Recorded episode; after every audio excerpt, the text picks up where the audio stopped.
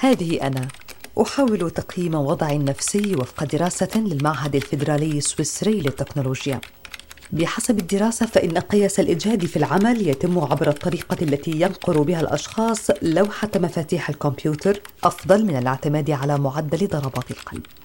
هدف البحث الوصول إلى حل لتفادي الإجهاد المزمن. انت مجبر ان انت تستحمل الشغل طبيعة الشغل في الزحمة وده وده دي طبيعتك وده شغلك وده لازم تستحمله. بس آه، الظروف بقى الاقتصادية مع العيشة مع الأولاد مع البيت مع التفكير بيخليك آه، مش مضغوط نفسيا بيخليك بجد انت بتكلم نفسك. في يوم من الأيام هتيجي تقع. أنا وقعت. الضغوط النفسية كبيرة وآخر فترة آه، كبرت أكثر من اللزوم. الضغوط النفسية في ضغوط ساعات العمل أيام العمل يعني صار مطلوب منا يمكن نعطي مثل ما كنا نعطي قبل مع إنه الكل بيعرف إنه وضع البلد مش كتير المعاشات منا كبيرة. آه، قسم هيك قسم هيك التنقلات كتير كبيرة. مطلوب منا نعطي مثل ما كنا قبل أو أكثر آه، بشوي صغيره حتى يمكن أوقات في دوامات بعد الدوام الرسمي بس بدون مقابل شيء يذكر. الموضوع مش بقى ضغط يوم أو اثنين أو ثلاثة ممكن خلال سنوات شغلك كلها بتتعرض لحاجات بتيجي في في النهاية بتحس إن أنت آه، طاقتك الإبداعية. أنت حتى لو عندك بتبقى ما عندكش القدرة إنك تخرجها كلها. أنا يسرى أمين وهذا بودكاست مرايا. سنحاول في هذه الحلقة تحديد أسباب التوتر في العمل ومحاولة تخطيها للسيطرة على ضغوط العمل المختلفة. لربما تعتقد الآن أنك أخطأت عندما ذكرت في سيرتك الذاتية وبكل ثقة أنك تجيد العمل تحت الضغط. بالتأكيد لم يكن هذا هو الضغط الذي تقصده. أنا هيدا أول شغل لإلي أكيد كنت مفتكره الشغل غير هيك بس لما اختبرت الشغل ولي سنتين بشتغل بهذا الدومين أنا بكون عم بشتغل على موضوع معين آه، بيجي بيجي حيلا حدا مسؤول عن هذا الشيء مثلا يا بيلغي الموضوع يا بيغيروا آخر دقيقة أو بيجوا بيصيروا قاعدين فوق كرمال يلا يلا يلا يلا. فهذا أكيد ضغط نفسي كثير كبير تقدر خلص فبطل أعرف اشتغل بطل أعرف أعطي يلي عندي. عندي توتر شوية فممكن ده بيأثر شوية على القولوني العصبي. مودي أو مزاجي بيبقى متقلب من وقت للتاني. ممكن ما أعرفش أنام كويس. أحس طول الوقت إن أنا جسمي وجعني مثلا. حتى لما بسأل الدكاترة هو مش حاجة عضوية هو الموضوع نفسي لكن الجسم بيحس بكل حاجة على فكرة. يعني كل عضو في جسمك بيعيش المشكلة معاك. أعرف أنه من الصعب التخلص من ضغوط العمل ولهذا سأحاول من خلال ضيفي الطبيب النفسي ياسر أبو جامع والمدرب المهني كمال حمزة الإجابة عن سؤال آخر. كيف يمكن إدارة ضغوط العمل؟ عدد الضغوط اللي موجودة علي كموظف كبير ما بقدر أحصرها. لا أشعر أنني بخير. جملة تتردد يوميا على لسان الآلاف بل ملايين الأشخاص حول العالم. بحسب تقرير للوكالة الأوروبية للسلامة والصحة فإن ما يزيد على نصف الأيام التي يتغيبها الموظفون عن العمل لها علاقة بالضغوط النفسية في بيئة العمل.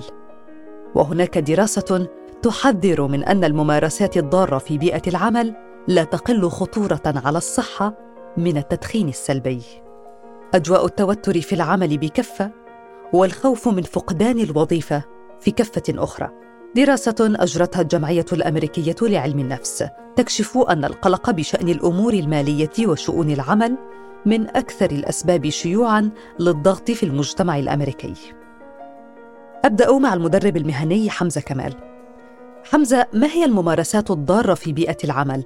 ومتى نصف بيئة العمل بأنها ضاغطة؟ في البداية يعني موضوع تحول البيئة أصلا لتكون سامة أو سيئة هذا مش مش كبسة زر مش خطوة بوصلها هيك فجأة بلاقي حالي واصل لهي المرحلة. هي مجموعة من العوامل اللي أنا بلاحظها حتى من قبل ما أبدأ اعمل في الأساس. يعني إذا بدي أقول لك إنه إحنا ما لنا سيطرة على عدد المؤثرات اللي ممكن تأثر علينا نفسيا. على فكرة حتى لو أنا ما بشتغل بوظيفة حتى لو عندي ال business الخاص تبعي حيكون في عندي ضغوط مختلفة كمان من نوع مختلف. ولكن ما في حصر للعدد. ممكن يكون زي العصفورة اللي بيكون مهرد بالشغل. ممكن يكون مديري نفسه هو سيء. ممكن يكون الثقافة. ممكن يكون طبيعة المهام. ممكن يكون في client في هذا اليوم مثلا عميل في هذا اليوم عمل مشكلة فبالتالي خلق توتر. ممكن تكون لها علاقة مثلا بوضع الشركة اللي ممكن لها علاقة بقرارات إدارية تم اتخاذها فحصر المشاكل الأسباب اللي ممكن تؤدي لضغوط هو لا نهائي ولكن النقطة ليست في حصر هاي الأمور النقطة في التعامل مع هاي التفاصيل تظهر إحدى الدراسات أن الأشخاص الأصغر سناً الذين يواجهون أعباء عمل ثقيلة وضغطاً شديداً بشكل روتيني هم الأكثر عرضة للإصابة باضطراب اكتئابي واضطراب قلق عام. دكتور ياسر أبو جامع الطبيب النفسي، كيف يمكن أن تؤثر ضغوط العمل على الصحة النفسية؟ في بعض الأحيان قد يشعر الإنسان بأن هذا العمل أو قد يصل إلى شعور أن هذا العمل غير مناسب له وبالتالي تحدث لديه مشكلة في التكيف يصبح لديه اضطراب التكيف في بعض الأحيان يضطر إلى استمرار ممارسة هذا العمل بسبب الحاجة الاقتصادية وقد يستمر في آه، الحياة تحت الضغط النفسي مما يؤدي إلى ظهور اضطراب آخر مثل اضطراب القلق آه، آه، العام. في بعض الأحيان قد يظهر لدى الإنسان الاحتراق الوظيفي في بعض الأحيان قد يفقد المتعة في العمل قد يفقد المتعة في الحياة قد يؤدي ذلك إلى حدوث الاكتئاب لدى هذا الشخص. من الممكن أن تؤثر المستويات العالية من التوتر في العمل على الصحة البدنية أيضا.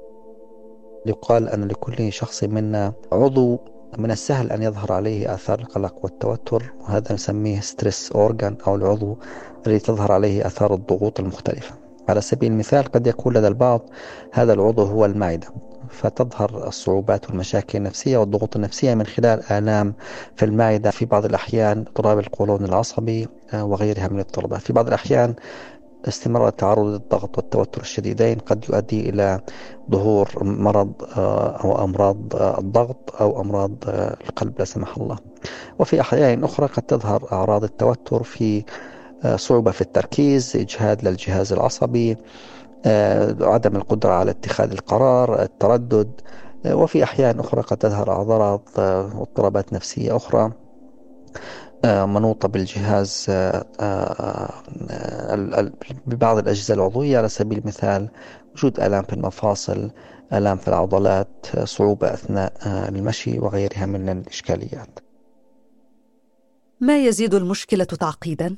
أن الأشخاص الذين يعانون من الإجهاد المفرط غالبا ما يتعاملون معه بطرق غير صحية مثل الإفراط في تناول الطعام أو تناول الأطعمة غير الصحية أو تدخين السجائر أو تعاطي المخدرات والكحول.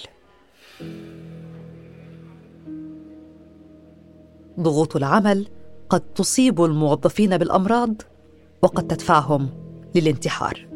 العام الماضي أقدم موظف مصري في إحدى شركات خدمة العملاء على الانتحار بإلقاء نفسه من الطابق الثالث بعد توبيخه من مديره وخصم أربعة أيام من راتبه لدخوله الحمام لفترات طويلة. في عام 2016 أقدم مهندس برمجيات بشركة أوبر يحصل على راتب يفوق مئة ألف دولار على الانتحار. وتقول عائلته إن الضغوط النفسية في بيئة العمل هي التي دفعته لاتخاذ هذه الخطوة. وفي لندن انهار متدرب في بداية العشرينيات من عمره تحت وطأة المجهود الشاق وعثر عليه ميتا في مسكنه بعد أن ظل يعمل على مدار 72 ساعة متواصلة في أحد البنوك. إذا الأمر ليس بمزحة وجملة أنا مضغوط قد تكون بداية لخطر أكبر.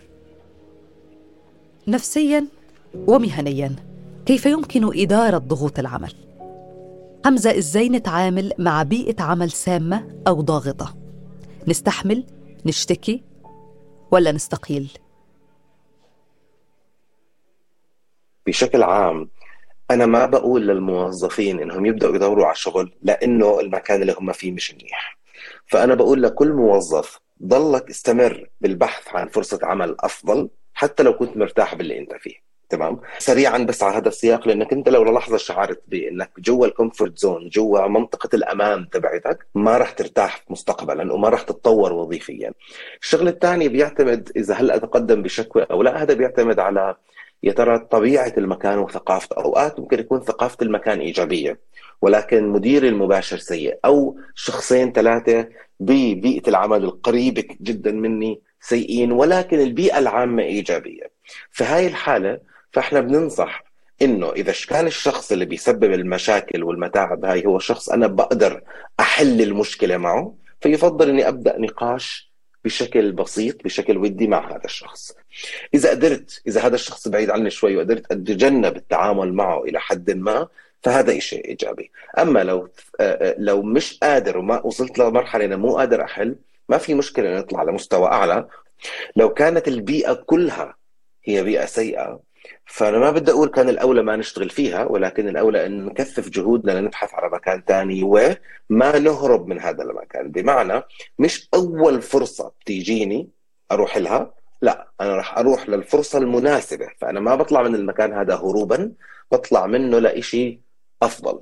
قد يكون في بعض الأشخاص في بداية الأمر هم يشعروا إنه المكان زي ما بنحكي توكسيك أو قلق أو بسبب لهم هذا القلق الدائم ولكن في الحقيقة هم شخصيتهم هم اللي فيها مشكلة مش في المكان. هون لازم يتأكدوا من العوامل من العوامل اللي حكينا عنها في البداية طبيعة العمل الثقافة المدير المباشر طبيعة المهام الأمور هاي كلها. طيب دكتور ياسر نفسيا إزاي أتعامل مع ضغوط العمل؟ وهل هناك خطوات للحفاظ على السلامة النفسية؟ دائما يجب أن نحافظ على نمط حياة صحي. المحافظة على نمط حياة صحي نتحدث عن ثلاثة أمور أساسية. الأمر الأول هو المحافظة على الغذاء السليم والمتنوع. الأمر الثاني هو الانتظام في مواعيد النوم والاستيقاظ. والموضوع الثالث هو المحافظة على آه، حياة يملأها النشاط والحيوية من خلال التمارين الرياضية من خلال تمارين الاسترخاء. من خلال آه، حتى التمارين البسيطة مثل المشي التنزه آه، وهذا النوع من الرياضات الخفيفة. في بعض الأحيان لا يكون من السهل التخلص من التوتر والقلق ويكون المحافظة على نمط حياة جيد غير كافي وبالتالي نحن نكون بحاجة إلى تدخل من المختصين النفسيين الذين إما يعني يحاولوا تطبيق بعض الإرشادات إعطائنا بعض الإرشادات النفسية هل تحمل ضغوط العمل إلى المنزل أو العكس؟ تنقل هموم البيت إلى العمل. حمزة كيف يمكن تجنب ذلك؟ واحدة من ضمن الأشياء المهم جدا كل حدا يتمرن عليها. لو يقول نفصل بين الاثنين شو يعني نفصل؟ يعني بمعنى لما أكون أنا في العمل أو مش شرط في العمل بس أنا أكون عندي تصور إنه هذا المكان اللي أنا بروح عليه أنا بروح له فقط عشان أنا في مهام مطلوب مني أؤديها نتائج مطلوب مني أحققها عشان أحصل على عائد مادي في نهاية الشهر. لو بتعامل مع العمل بهذا المنظور حيخفف كثير أنا ما بقول لك حيلغي حيخفف كثير من الضغوط اللي ممكن يقولها معي على البيت. هي أول شغلة. الشغلة الثانية لو أنا بتعامل مع المشكلة بحجمها الحقيقي ما راح انقلها معي على البيت. بمعنى أنا اليوم تضايقت من موظف نقل كلام مني لمديري أو حكى إنه أنا قصرت في شغلة معينة. لو بتعامل مع المشكلة بحجمها مش بتعامل بمشاعري ما بتوصل الأمور للكبر هذا. ولكن إحنا بنتعامل معها لأنها مشكلة شخصية. لأن أنا حولتها لتصير شيء شخصي وتفاعلت معها عاطفيا. ولكن حقيقة الأمر لما موظف يحكي عني لمديري إنه أنا ما أتممتش المهام تبعتي حقيقة الأمر أنا لم أتم المهام تبعتي. صح هو حكى لإله بطريقة مو منيحة. بس لو أنا أتميت المهمة تبعتي بشكل صحيح ما كان في عنده شيء يحكيه. فإذا أنا لو ركزت على العمل كعمل وركزت على النتائج كنتائج حيبطل في شيء يكون بهاي الدرجة من السلبية اللي اخذه معي على البيت. طيب حمزة اتكلمنا باستفاضة عن ظروف العمل في المؤسسات والشركات. ماذا عن الأشخاص اللي بيعملوا عن بعد أو بيعملوا من المنزل؟ زي كده. أعتقد إن فكرة الفصل بين العمل والمنزل مش دايما بتكون سهلة. أنا هلأ يعني أنا عدد الأيام اللي اشتغلتها في البيت لربما ضعف عدد الأيام اللي اشتغلتها برا. هذا ضغط طبيعي ولكن الشيء الاساسي اللي أنا بنصح فيه الكل وبنصح فيه مش يعني معناها مش معناها أنا لازم أعمله ولكن هي من البست براكتسز من الممارسات الفضلى اللي الواحد لازم يعملها. وهي إنه يكون له مكان خاص فيه بالعمل. يعني يكون له مكتب بمكان خلص ما حدا زي كأنه طالع على شغله لو دخل هاي الغرفة خلص هو هذا شغله. يكون له مكان خاص بالعمل مكتب كرسي كذا. إذا إذا دخل هذا المنطقة فهو دخل في mode العمل. فهذا راح يساعده إنه يسترجع نموذج العمل الطبيعي اللي هو أنا بروح على مكتب وعندي desk لإلي وعندي موظفين وكذا وبالتالي لما بكون في هذا المكان بخلق بيئة العمل تبعتي وبالتالي بيصير سهل علي أفصل. لما بطلع برا باب المكتب تبعي أو باب الغرفة هاي خلص أنا طلعت من العمل. لماذا لا يصاب الحمار الوحشي بقرحة المعدة؟ هذا ليس تساؤل بل هو عنوان كتاب للأستاذ الجامعي والباحث المتخصص في البيولوجيا السلوكية روبرت سابولسكي. فبحسب سابولسكي فإن ما يحرك القلق فينا نحن كبشر. وما قد يقتلنا في النهاية هي ذاتها الهرمونات التي تنقذ الحمار الوحشي من الموت بين فكي أسد مفترس. الهرمونات التي يحركها الشعور بالخطر عند الحيوانات ينتهي مفعولها بانتهاء الخطر. لكننا بعد أن ارتدينا ربطة العنق وانتقلنا من الغابة إلى المكاتب المكيفة ارتبكت هرموناتنا. وصار الشعور بالخطر قلقا دائما وقاتلا. اذا كيف نحمي أنفسنا من أنفسنا؟ كيف نعود بهرمونات القلق إلى وظيفتها الأولى في حمايتنا لا في تعذيبنا؟ الإجابة فينا نحن في سلوكنا وفي أنماط تفكيرنا. حقيقة انتهيت من الكتاب ببعض النصائح لكنني انتهيت منه أيضا وأنا أغبط الحمار الوحشي. أنا يسرى أمين وهذا بودكاست مرايا.